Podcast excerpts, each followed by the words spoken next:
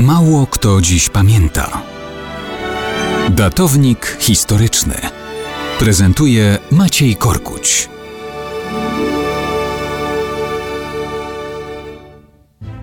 Mało kto dziś pamięta, że 18 czerwca 741 roku zmarł cesarz Leon III Izauryjczyk, pierwszy władca z syryjskiej dynastii, która rządziła Imperium Wschodnio-Rzymskim, czyli Bizancjum.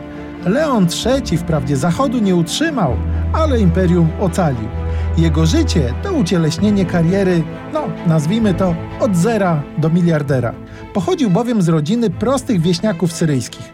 Na skutek cesarskich zarządzeń jego rodzina przeniosła się do Tracji, wstąpił do armii, wykazał się niespotykanymi zdolnościami, więc awansował. Otrzymywał intratne godności, walczył na czele wojsk bizantyjskich przeciw Arabom. Kochany przez żołnierzy, został przez nich obwołany cesarzem, wbrew panującemu Teodozjuszowi. Doszło do walk wewnętrznych, ale to Leon był zwycięzcą. Jego koronowano w 717 roku. Umacniał więc i reformował państwo. Próbował jako cesarz wschodu przywrócić władzę także na zachodzie.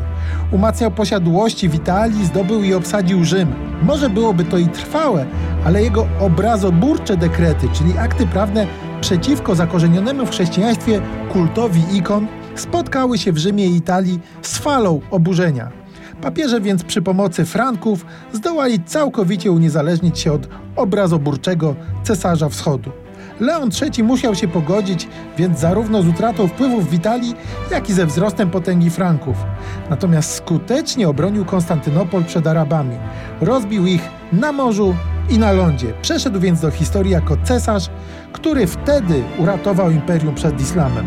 Cóż, jak widać, warta była świeczki jego kariera od zera do milionera.